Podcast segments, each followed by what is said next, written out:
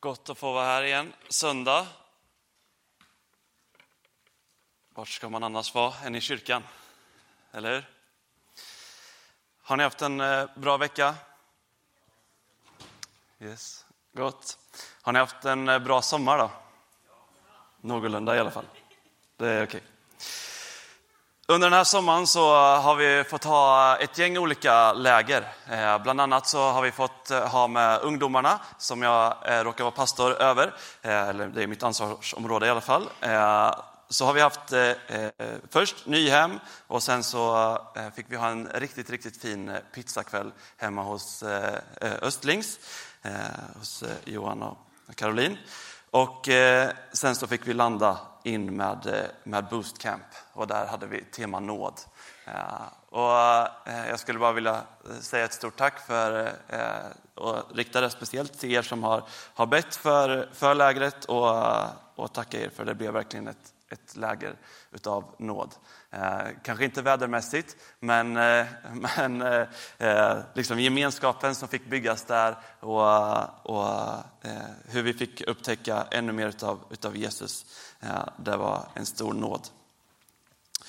Vi hade också en, en uppstart på Disciples i fredags och den skulle jag också bara vilja sätta rubriken nåd över.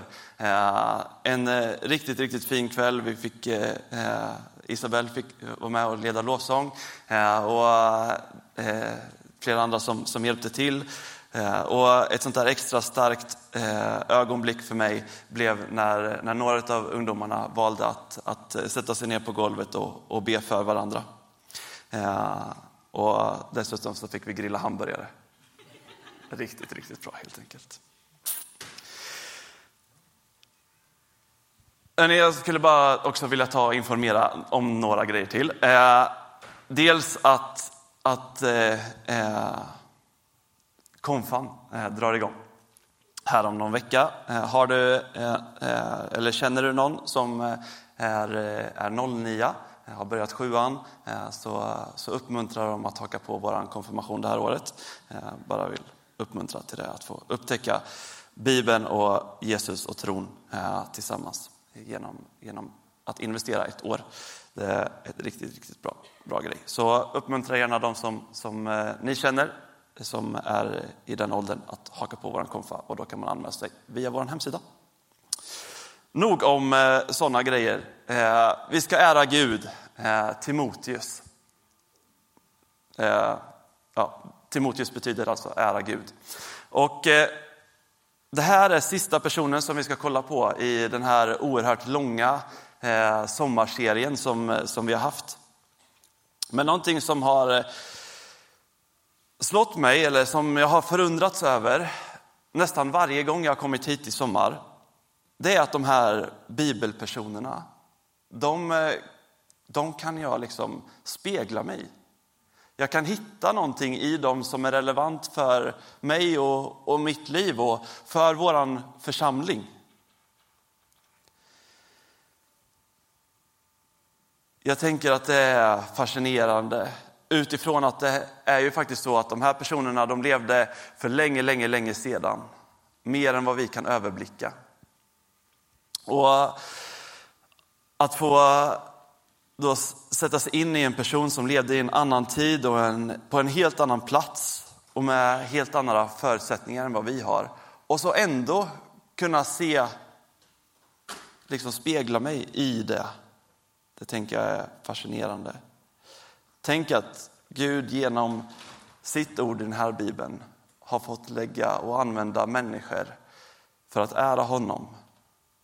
Så att vi kan förstå ännu mer av vem han är och hur mycket han älskar oss genom de här människornas liv. Jag tycker det är fascinerande.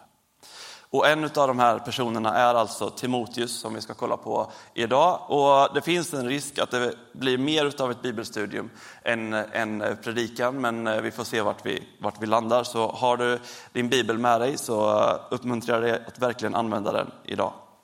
Eh, förra veckan så kollade ju Thomas på Josua. Och eh, jag tänker att Timoteus är eh, Nya testamentets Josua. Han är eh, skulle man kunna säga, Paulus efterträdare. Paulus han är i, eh, i de äldre dagarna och Timoteus är i de yngre dagarna. Och Timoteus han fångas upp av Paulus och eh, så får han bli en av sina lärjungar, en av de som blir närmast Paulus.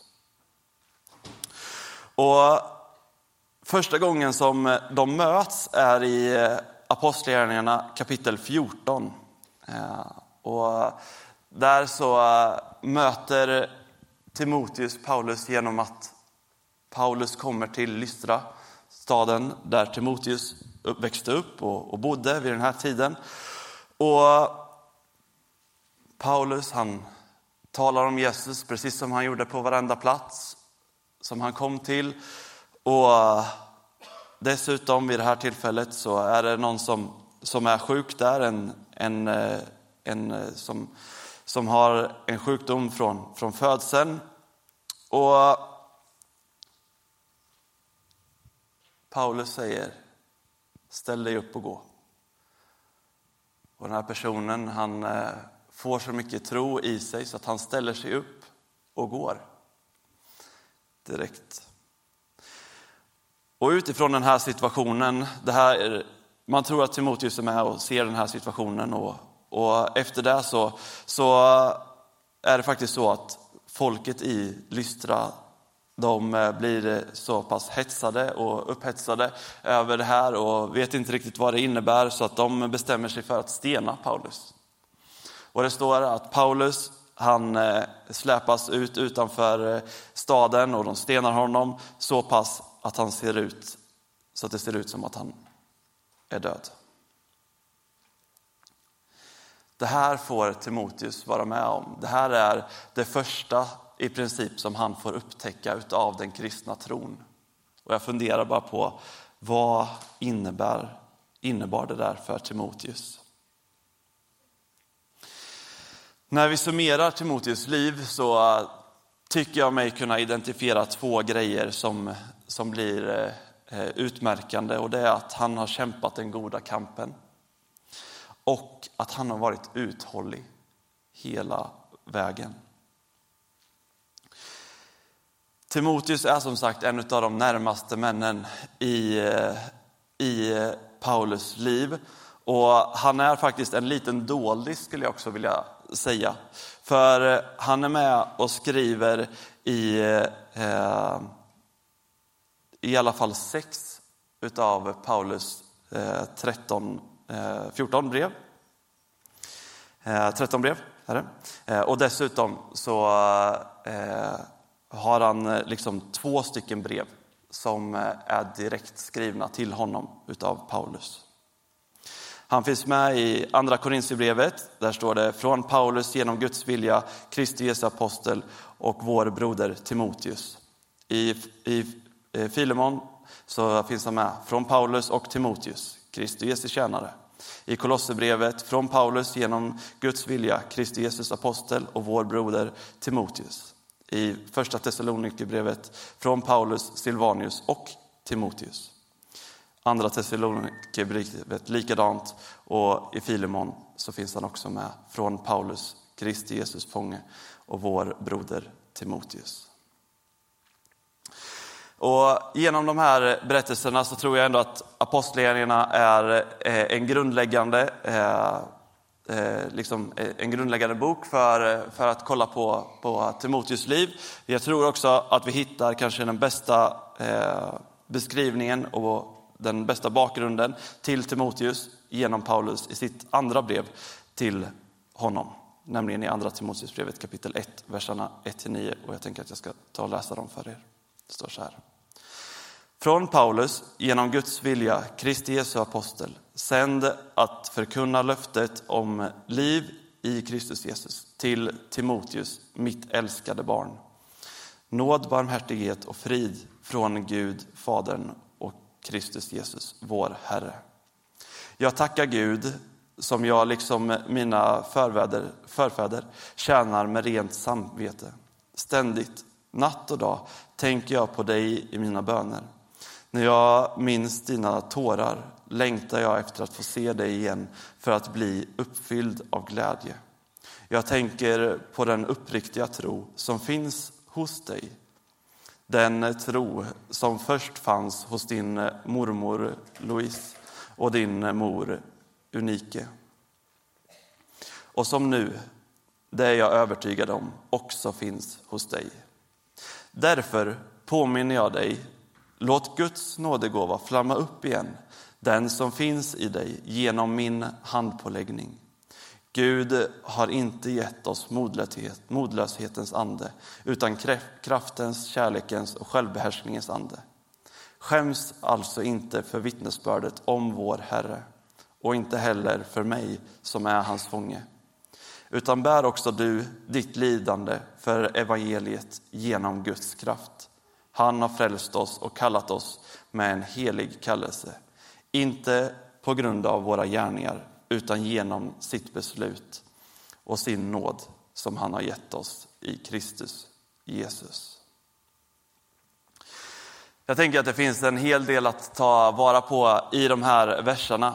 Dels att Timoteus är Paulus älskade barn. Inte som att han är hans biologiska far, utan att han är hans älskade barn genom att han är det i tro. Det innebär att Paulus har investerat i Timoteus liv. Och jag tänker att du och jag har samma chans, samma möjlighet att göra detta.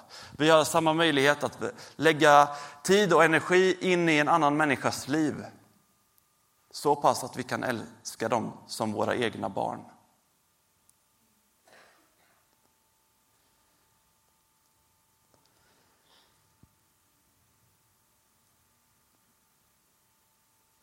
Jag tänker att den här handpåläggningen, den här nådegåvan som Timoteus har fått när Paulus ber för honom, att han påminns om det. Att det är kraftens, kärlekens och självbehärskningens ande som gäller. Och att inte skämmas för det som du har fått i ditt liv Precis som Timoteus blir uppmuntrad att inte skämmas över vittnesbördet om vår Herre. Trots att det ser dåraktigt ut på utsidan. För det är ju faktiskt så att Paulus har hamnat i fängelse för det här. Vi kommer se att, att Timoteus hamnar i fängelse på grund av det här budskapet.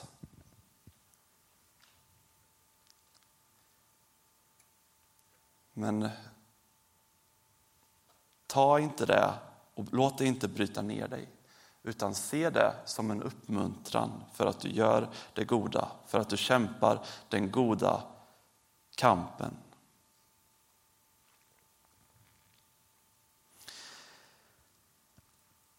Timoteus verkar eh, vara en person som eh, har ganska så bra inflytande för han får ta och brottas med kanske de knepigaste situationerna.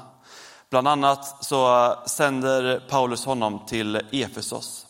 För Timoteus, han är Paulus liksom budbärare. Om det är någonting som, som behöver rättas till, ja, men då skickar han Timoteus. Om det är någonting som behöver uppmuntras, då skickar han Timoteus till den församlingen. Är det någon församling som står i lidande, som blir förföljd, då skickar han Timoteus. Och till slut så skickar han honom till kanske det knepigaste uppdraget som han får, nämligen till Efesos. Och det är här som han får ta emot andra och första Timoteus brevet. Och man skulle kunna säga att det här är en uppmuntran om att fortsätta att kämpa den goda kampen, att hålla ut i tjänst. Det är en uppmuntran till, från Paulus till Timoteus, men det är också genom det ett exempel för oss hur vi kan få fortsätta att uppmuntra varandra, att finnas där för varandra, att fortsätta att kämpa den goda kampen och hålla ut till livets slut. I första Timoteusbrevet kapitel 1, verserna 18 eh, till eh, kapitel 2, vers 1 och sen så tar vi vers 8 också, så står det så här. Detta uppdrag att förmana anförtror jag nu åt dig, mitt barn Timoteus, i enlighet med de profetord som en gång uttalades över dig. I kraft av dem ska du kämpa den goda kampen, i tro och med rent samvete. Först av allt uppmuntrar jag till bön, åkallan, förbön och tacksägelse för alla människor. Så vers 8. Människa, männen på varje plats ska be med heliga händer lyfta händer. Utan vrede och diskussion. Jag tänker att de här orden är ganska så tuffa faktiskt att ta emot. Vadå att be utan vrede och, och diskussion? Vadå att, att ska vi alltid komma överens eller hur, hur ska det här fungera?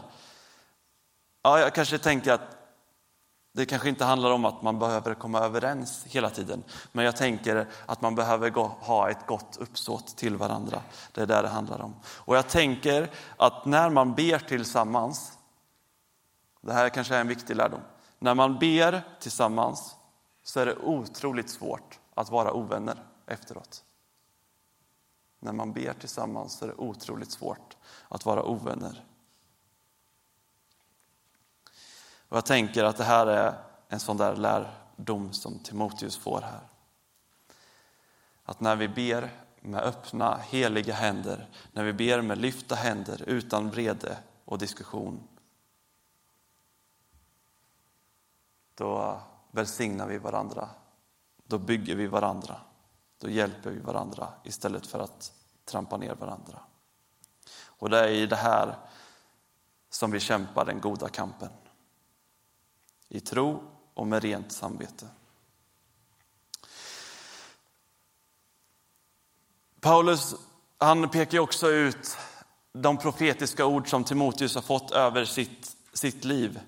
Och det här ger liksom som en, eh, en riktning för hans liv, att han ska kämpa den goda kampen.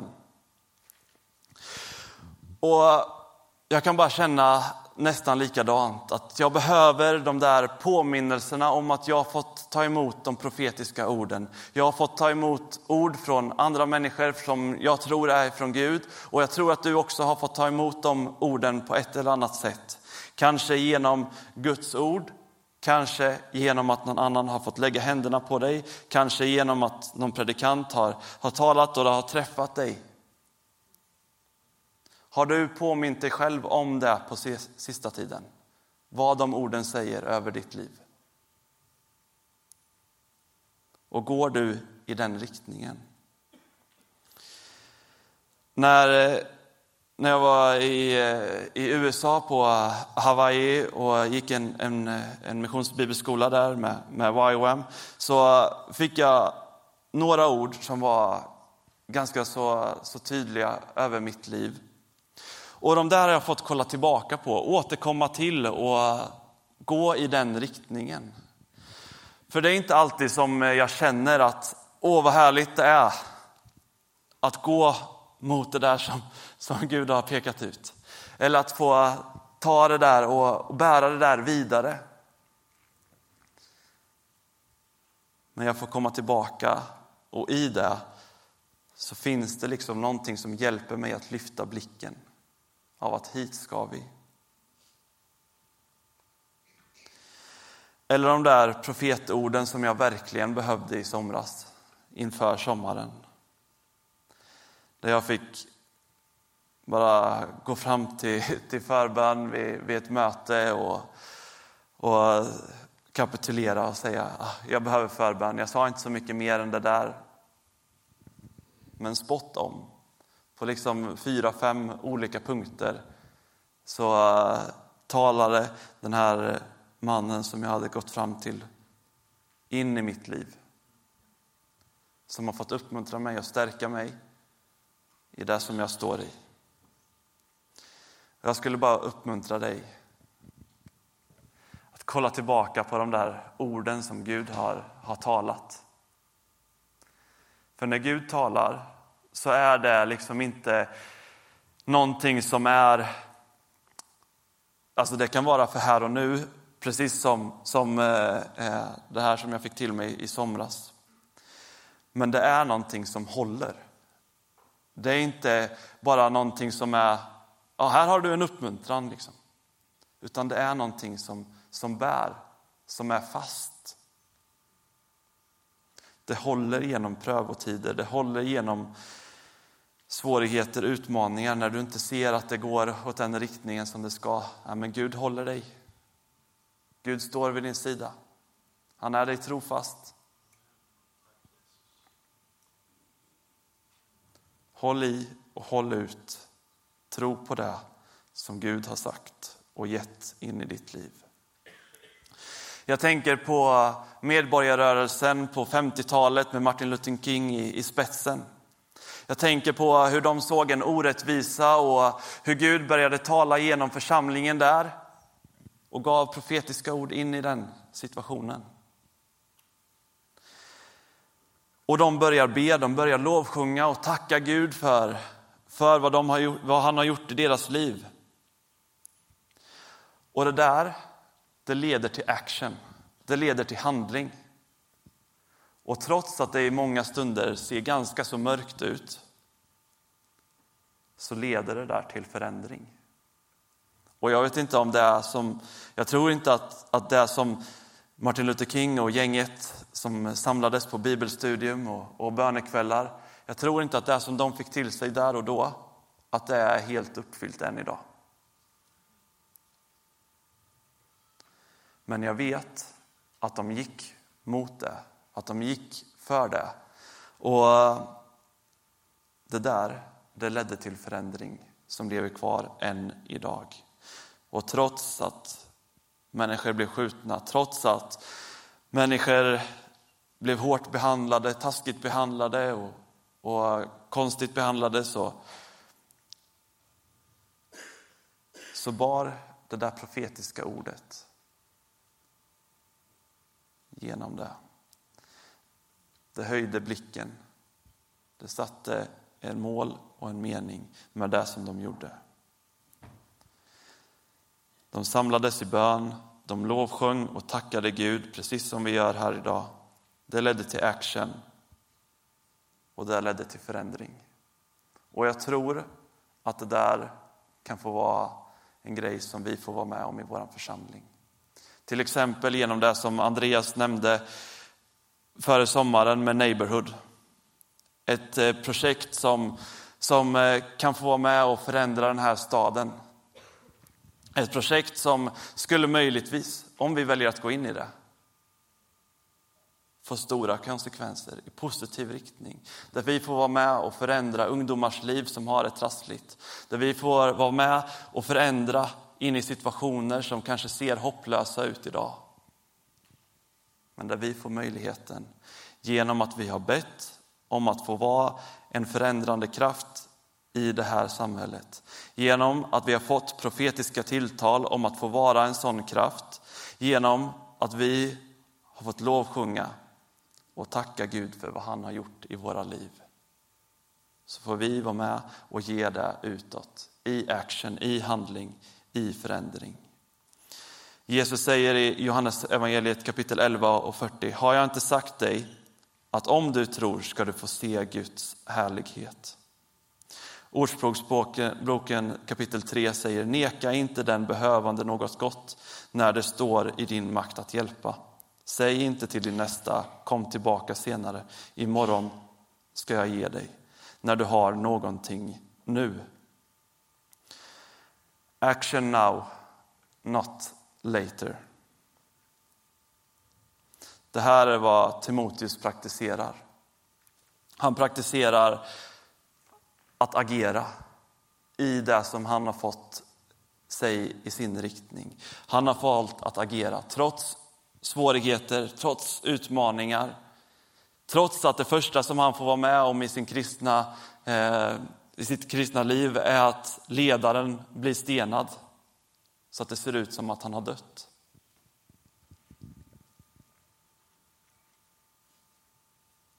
kämpa den goda kampen genom bön och tacksägelse.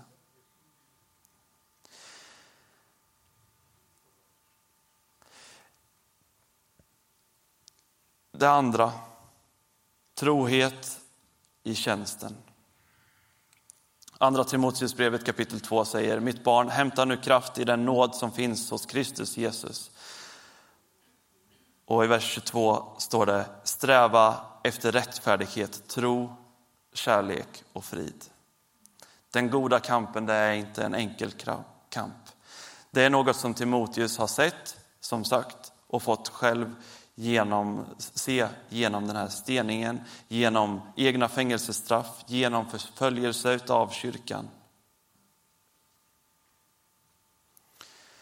Som kyrka så har vi funnits här i ur och skur genom alla säsonger.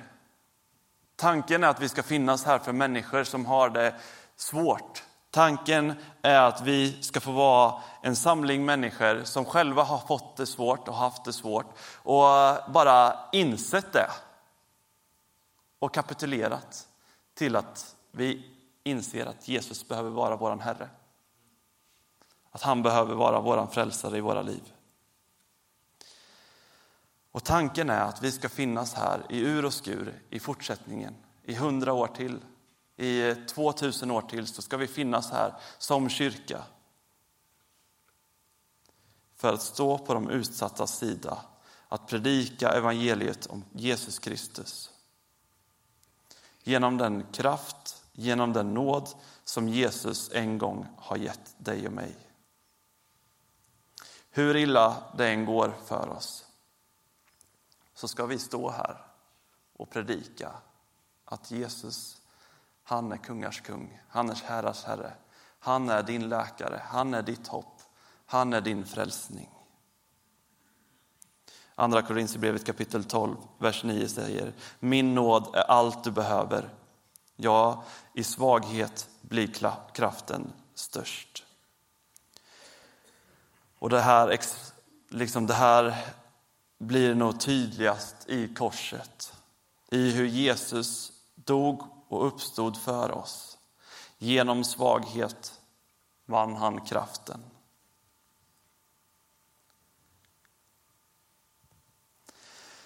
Jag tänker på berättelsen om när, när Jesus är i Getsemane. Och det här kanske är en av de mest utmanande stunderna i, i Jesus liv. Han eh, det står typ att han eh, gråter blod, eller svettas blod. Eh, och eh, tänker att det här är det här är en tuff situation för honom, för han vet vad det kommer innebära, han vet vad han kommer gå igenom här. Och mitt i det, så blir, när han blir fångatagen, så är det ju en av hans lärjungar som kommer på idén att han ska hugga av örat utav en som fångar honom. Och vad är det som händer då? Jesus han säger inte ah, kom igen, kör på, kötta dem bara, ta dem. Nej, han, han böjer sig ner i en ännu svagare position och plockar upp det där örat, ställer sig upp igen och sätter tillbaka det, lappar ihop den här personen som har blivit skadad. och Säger, vet du vad, lägg ner ditt svärd. Det är inte så vi kämpar den här goda kampen. Det är inte så vi gör för att hålla troget ut i tjänst. Jesus han visar hur vi med tålamod Trots att det är en hel värld som står och bankar, som står och säger att det här är inte vettigt, det här, är inte, det här vill vi inte ha med att göra. Vi vill inte ha den här godheten här. Trots det så visar Jesus sitt tålamod, sin nåd, sin rättfärdighet sin tro på oss som individer, på oss som mänsklighet, sin kärlek och sin frid för var och en av oss genom den här handlingen. Och det här är någonting som Timoteus i sin tur får ta vid. Det här är någonting som vi får i vår tur ta vid av Timoteus. Låt det få bli din inspiration. Den goda kampen utkämpas inte med knytnävar och vapen, inte heller med hårda ord, utan genom frid, kärlek och tro på att det finns gott i var och en av oss, precis som Jesus tror på oss. Det kanske är den största lärdomen som vi har av Timoteus liv. Och min avslutande fråga, och lovsångsteamet kan komma upp, är så här. Vad gör du av uppdraget om att gå ut med frid för att kämpa den goda kampen, troget och hängivet, där du är? Vad gör du av det uppdraget?